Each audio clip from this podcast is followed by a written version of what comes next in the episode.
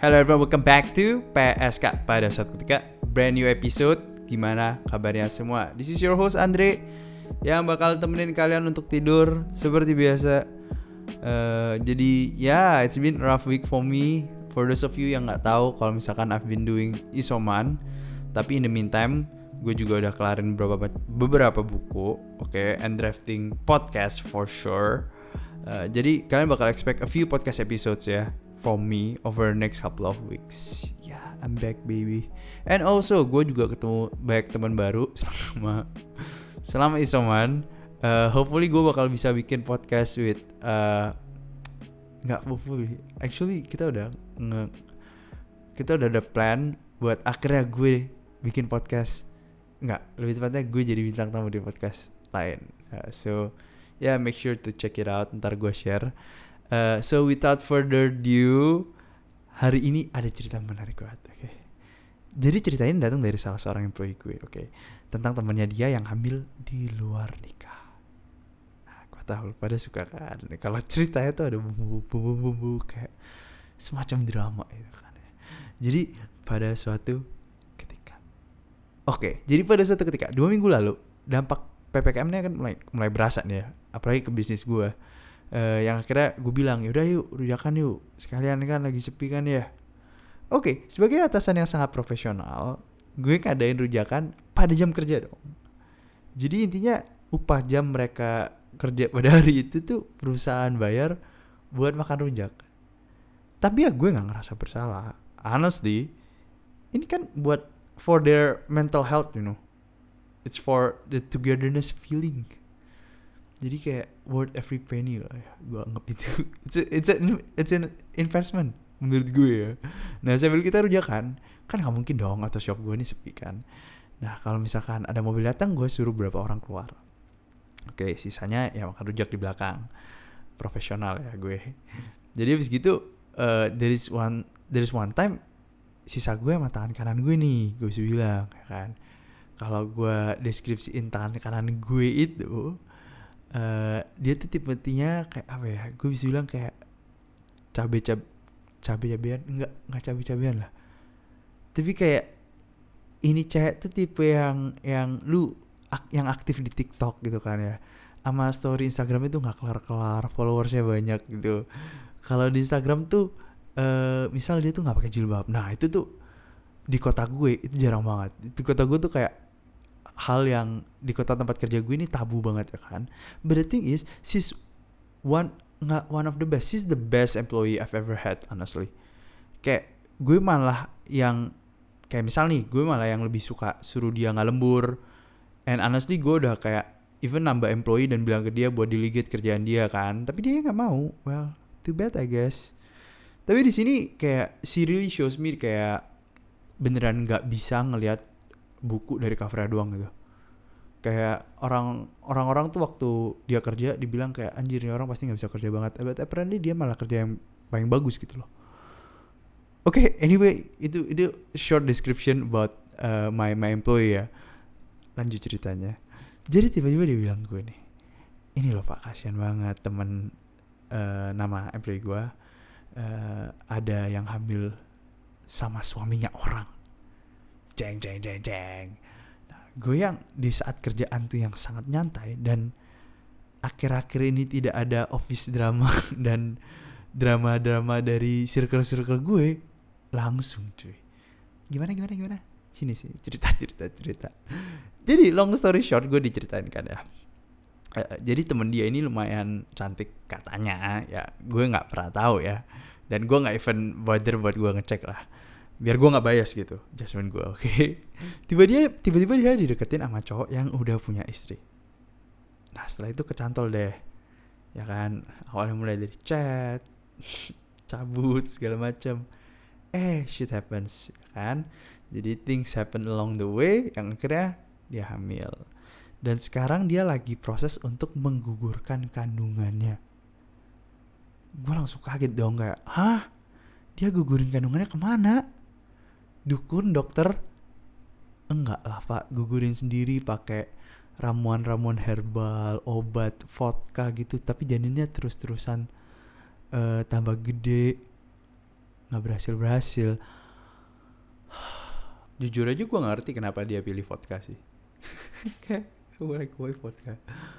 But anyway oh man di situ gue ngerasa sedih banget sih honestly gue takut anaknya pas lahir kayak ada bagian dari uh, tubuhnya yang kayak rusak atau jadi kayak uh, disabilitas gitu kan yang seharusnya preventable. Ya kira gue nanya dong lah cowoknya mana? Masa nggak mau tanggung jawab? Ya kan? Ya itu menurut gue itu jawaban yang paling sensibel lah ya. Uh, terus akhirnya uh, dia si employee gue cerita kalau cowoknya ngaku ke istrinya. Cow cowoknya ngaku ke istrinya pak. Uh, terus sekarang semua surat-surat dan duit ditarik semua. Jadi cowoknya nggak ada apa-apa. Nah terus istrinya cowoknya ini juga hubungin temennya nama employee gue pak. Di tag sama dia selamat ya buat hubungan kamu sama suami baru kamu. Oh my god drama banget sumpah. Tapi ya gimana pak? Mau hidupin anak pakai apa kalau nggak ada duit right. Itu di situ gue gue kasihan banget gue langsung kayak ya emang nggak semuanya bisa terbeli dengan duit tapi banyak hal hampir semuanya tuh membutuhkan duit. Itu yang buka gue selalu cerita gue. Uh, jadi emang ini cerita rada drama dan heartbreaking lah ya. Coba lihat ini in a very broader sense in a broader way. Kalau gue bisa bilang nih ini isu lebih dari sekedar hamil luar nikah drama and that's it. Ini isu tuh kayak part of the broken system in our society. Kayak kalau kenapa gue bilang gitu? Karena satu shows kayak kita tuh lacking in sex education yang gue sering banget bahas podcast podcast gue episode episode sebelumnya. Dua abortion itu should be legalized. Dan hal ini yang pingin gue ngomongin sekarang oke? okay? Yang ketiga uh, women don't get paid enough. Uh, apa kayak what's the worst than being a mom with no spouse? A mom with with uh, with no partner gitu. Apa yang worse than that? Being a mom with no spouse and no money. Kasian sih. Masih banyak lagi. I mean uh, kalau misalkan gue harus ngomong tentang yang poin poin pertama gue udah sering bahas poin ketiga kan kalau ngomong tentang workforce dan wanita itu gue harus kayak at least one episode by itself. Jadi gue nggak mungkin ngomongin itu sekarang. Ya yeah, we're gonna talk about it next time. Jadi kayak hari ini gue cuma pengen ngomongin singkat doang tentang abortion. Uh, why I firmly believe it should be legalized. Jadi sebelum lu pada marah karena yang gue bakal omongin ini kontroversial banget. Dan mungkin gak sesuai sama your belief. But please coba deh kayak do listen till the end. Soalnya ini bagian menurut gue ini bagian dari emansipasi wanita bukan menurut gue sih. Menurut yang secara normalnya ini sebenarnya bagian dari emansipasi wanita dan lu pada harus pikirkan hal yang sama. Oke. Okay. jadi my younger brother dia kan dokter ya kan? Dia pernah explain kalau sebenarnya abortion di Indonesia tuh bisa aja asal membahayakan hidup ibunya. Tapi hukumnya sendiri masih gray area dan banyak dokter yang nggak mau risk risk it oke? okay. Nah uh, kalau misalkan rip gimana?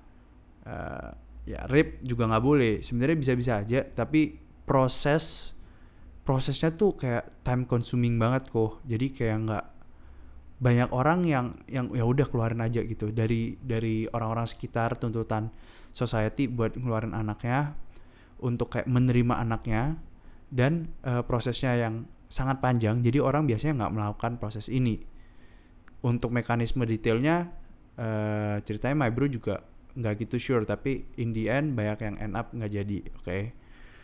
nah uh, eh, gue coba pingin uh, lu pada in this young young woman shoes gitu kayak coba kalian ada di posisi wanita ini dengan catatan not not having money not ready for having a kid gak ada pasangan yang bakal bantu kalian how do you feel kayak are you really ready to have a baby with the lack of resources?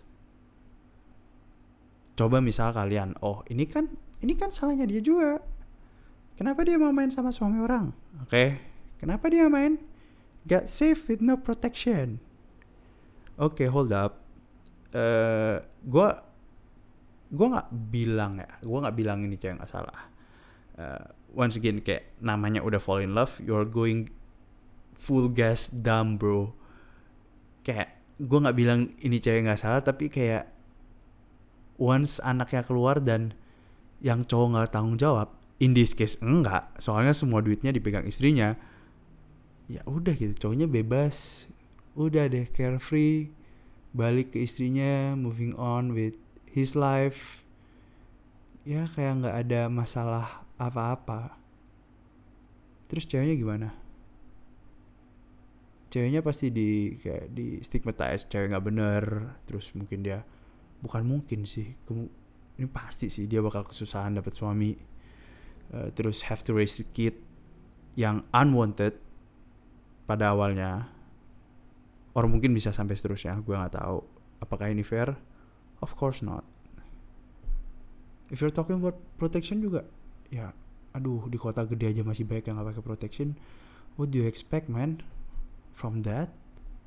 Terus kayak lu pada bisa imagine gak sih kalau misalkan anak yang ini kayak knowing waktu anaknya udah lahir udah gede gitu ya knowing all these facts yang awalnya dia tahu unwanted uh, terus nggak ada sosok ayah di hidupnya yang di mana teman-temannya mungkin ada sosok itu imagine kalau dia disuruh deskripsiin bokapnya gitu terus dia kayak bingung mau nulis apa. Uh, tulis ayah kalian tuh seperti apa tapi aku tidak pernah melihat ayah saya, ibu. Fuck. Kayak lu, lu pada harus percaya kayak anak ini bakal suffer too sih. And again, how about the dad? Nope, it won't affect him shit. Sampai sini udah ada dua orang yang dirugikan kan. Uh, while the man living with his privilege tanpa beban. Nah, yang jadi masalah kadang emang dengan the idea of abortion ini bisa aja kayak orang-orang ngegosipin and talking shit about the mom. Dibilang nggak sayang anaknya you're you're killing a baby. Gue tuh sebenarnya pingin banget ngomongin ke mereka yang yang yang tidak tentang hal ini gitu. Kalau misalkan anak ini lahir kalian mau provide apa ke cewek ini? The society push kayak women buat keluarin anaknya gedein anaknya tapi society juga nggak mau provide help buat para wanita ini. Like the irony misal anggap nih ya ada perbincangan. Uh, gak bisa pak. Pokoknya saya pingin uh, itu anak keluar tanpa ada proses pengguguran. Tapi saya tidak bisa menghidupkan anak ini pak. Pokoknya saya tidak mau. Lah kan ini badan saya pak. Sekali lagi saya tidak mau. Kan yang kamu bunuh bukan badan kamu. Oh ya sudah pak. Kalau gitu bapak aja yang gedein gimana? Lah kok saya yang gedein? Kan ini salah kamu. Kamu harus tanggung jawab ya pak kalau suruh tanggung jawab doang cuman kontribusi dari bapak ya mana seru. Dan sekali lagi bapaknya moving on with his life while the woman suffer just like any other day in this world right now. Jadi kalau ini lucu sih sebenarnya. Kalau kalian tahu yang lagi hot dua tahun lalu uh, kalau nggak salah tuh sebelum sebelum corona itu tuh ada sebuah negara bagian di Amerika yang biasanya dijadiin meme uh, negara bagian itu adalah Alabama. Kayak gak gua gua nggak gua nggak tahu kalau pada pernah dengar ini tempat ini atau enggak uh, jadi Alabama ini orang-orangnya biasanya suka incest. Nah di situ tuh waktu itu ada kayak 35 lawmakers yang di mana dari 35 itu kalau nggak salah 4 atau 5 nya itu perempuan. Dan semuanya demokrat left wing progresif liberal ya kan yang pro tentang hal ini. Eh, pro choice kan? Dan sisanya itu 30 atau 31 itu para pria yang Republikan konservatif pro life nah mereka yang pada saat itu ngerilis new rule new law uh, kayak new regulation implement itu yang di mana uh, peraturan ini mempersulit untuk aborsi anak. Yang lucunya adalah semua wanita di sana yang jadi legislatif 4 sampai 5 orang itu semuanya tuh against that. Dan yang setuju adalah para pria. Jadi intinya hidup wanita itu di di di Alabama diatur sama para pria ini. Mereka buat peraturan untuk para wanita. Coba kalian pikir masuk akal aja. Kayak uh, kayak ada jadi kayak cowok-cowok ini ngerasa mereka have a higher power over the woman gitu over the women ya obviously mereka dengan alasan agama lah ya. Tapi sedihnya tuh kayak mereka harus push belief mereka ke orang lain yang whatever happen in their life itu has zero impact in in this woman life. Kayak I agree with the idea of tanggung jawab oke. Okay? kayak gue tahu mereka semua tuh tahu mereka tuh ngelakuin kesalahan they regret it gitu. Tapi damage-nya ini much more manageable kalau mereka punya option buat abortion. Dengan kita ngebatasin abortion ini gak cuman proses aborsi yang gak regulated yang gak ada supervisi dan dari profesional yang justru jauh lebih bahaya ya kan? Contohnya kayak uh, temennya employee gue ini karena aktivitas apa pun yang nggak regulated gak diawasin pro prosedurnya gitu sembarangan jauh lebih membahayain ibu sama anaknya kan and again I must say waktu anaknya udah lahir entah digedein dengan kurang layak karena minim resources. Resources tuh bisa karena waktu dan uang. But well yeah, it's the same thing. Time is money right? Uh, atau mungkin ditaruh panti asuhan yang jadi orphan yang damage-nya jauh lebih gede buat anaknya. Kayak don't get me wrong I do love kids. Okay I really do. Uh, ini mungkin sound so uncommon tapi salah satu goal gue itu goal hidup gue adalah mau jadi that one cool dad one one cool uncle or cool grandpa gitu. Kayak yang anak kecil bisa bilang kayak oh om itu asik banget buat main bareng. Uh, asik not in a pedophile shit way ya. Maksud gue kayak maksud gue kayak you know gue suka engaging with kids right? Uh, personally I want the kid to be born. Uh, but kalau misalkan gue sekarang gue bisa ngomong kayak gitu karena uh, posisi gue adalah gue punya resources uh, baik dari waktu uh, dan uang untuk gue bisa ngidupin anak ini. Kalau misalkan if let's say ternyata gue uh, hamil luar nikah ya gue main sama orang dan ya shit happens gak perlu gue jelasin lah ya. Uh, dan ya kalau di posisi gue sih gue ya gue bisa bisa aja nah tapi posisi orang lain gimana gitu ya kan? Jujur aja kalau misalkan gue ada resources banyak gitu gue tajir gue pengen lo bantu anak-anak terlantar ini. Ya tapi ya mau gimana lagi anjir? Gue masih muda dan minim duit. Jadi the only thing that I can do for now ya try to educate the public try to tell you guys uh, biar kayak lu pada jadi ngerti kalau misalkan topik ini nih sebenarnya nggak bisa cuman uh, di topik legal abortion ini nggak bisa cuman kayak lu pada ngeliat dari kayak oh ibu ini ngebunuh anak ini. That's it. Tapi ini topik sangat luas sebenarnya sebenarnya gue kalau misalkan masalah rape gitu perlu gue omongin sih? Tapi kayak ya menurut gue itu lebih ngaco lagi sih ya. Kayak si ceweknya nggak salah apa-apa terus dia harus tanggung jawab sama beban yang dia terima mungkin yang cowok yang rape tuh lari or even di penjara ya dua situasi yang mungkin terjadi yang barusan gue bilang ini yang nggak ngebantu apa-apa juga buat ceweknya ya. gue lagi bayangin sih kalau misalnya gue hidup tanpa uh, salah seorang orang tua gue or even both gitu kayak oh man it must be tough as hell. Makanya buat kalian yang masih punya orang tua sayangin mereka karena not all people have the luxury sih anyway tiba-tiba gue kepikiran sih sama kasus yang kayak dua tahun lalu gue pernah bahas kalau gak salah kayak masalah ada so, salah seorang acquaintances gue yang meninggal yang akhirnya branded gitu kan. Jadi otaknya udah mati dan salah satu jalan terakhirnya adalah buat cabut uh, life support. Hmm, gue sebenarnya gue pin bahas eutanasia sih. Tapi habis gini nggak nggak mungkin sekarang nggak mungkin sekarang gue uh, tapi gue gue belum pernah baca jurnal tentang eutanasia makanya gue or buku makanya gue nggak berani ngomong banyak. Ini adalah salah satu hal yang gue lumayan bangga sih sama diri gue sendiri. Itu adalah gue gak banyak ngomong kalau gue gue kalau gue nggak tahu. Uh, banyak orang di luar sana harus contoh nih gue nih.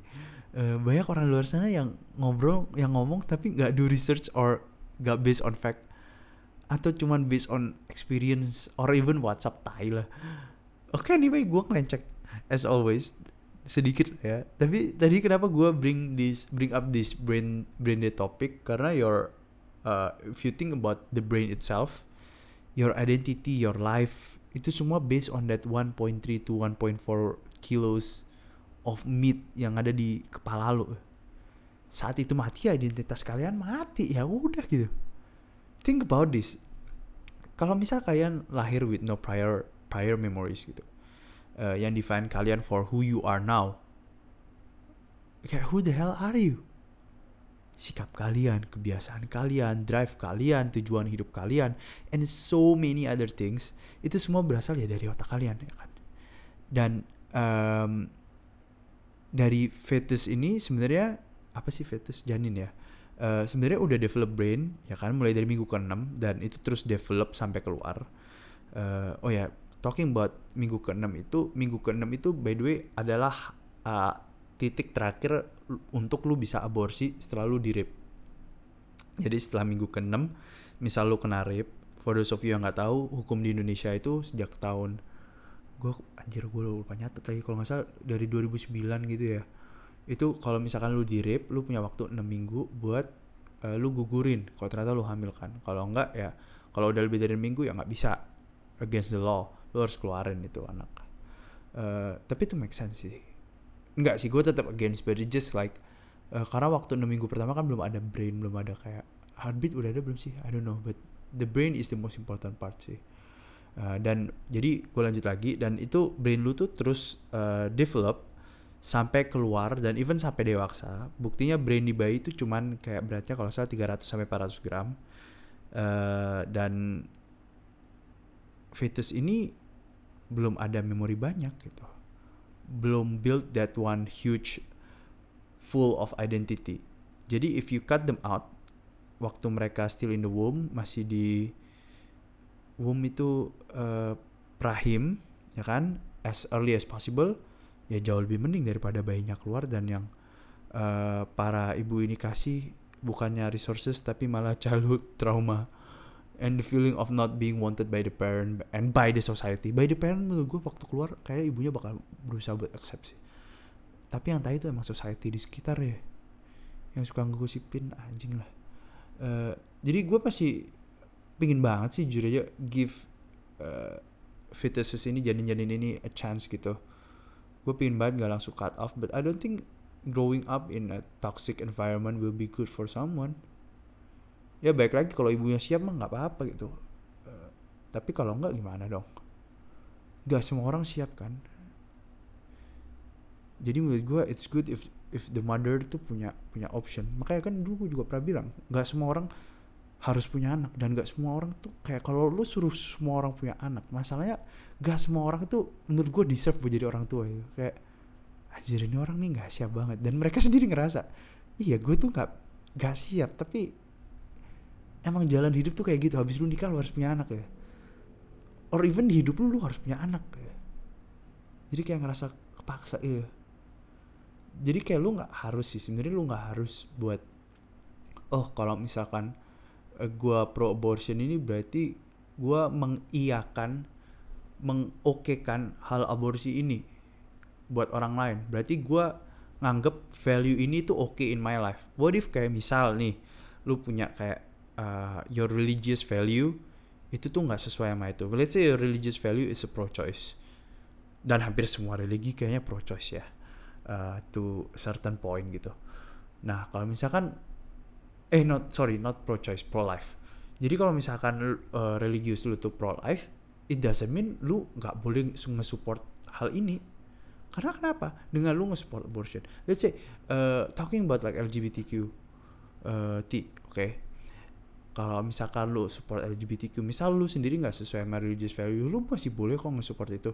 Dengan lu nge-support tuh artinya ngebuka chance buat mereka bisa accept to be to be accepted uh, di di tempatnya kalian.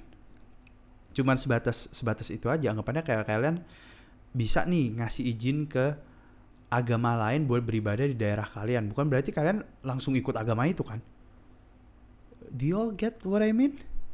Kayak you just giving kayak a chance for other people. Uh, ya terserah mereka mereka mau ngambil atau enggak gitu kan. Kalau misalkan lu juga ngambil juga juga juga nggak apa-apa. Kalau dia ngambil juga nggak apa-apa. But at least there is there should be a chance for them gitu. There should be an option for them. So yeah guys that's it for the podcast today. Very short very concise. Uh, hope you guys learn something. Mungkin kalau kalian nggak uh, setuju sama uh, my thoughts in it. Kayak ya lu pada bisa DM gue talk about it why you guys disagree. Uh, mungkin kalian punya uh, ada ada fact yang mungkin gue salah DM me. I'm always here baby. Uh, so yeah. And harusnya kalian bakal uh, ngelihat podcast gue minggu-minggu depan karena aduh kayak gue udah mager banget keluar karena covid semakin merajalela. And kerjaan gue numpuk setelah gue isoman.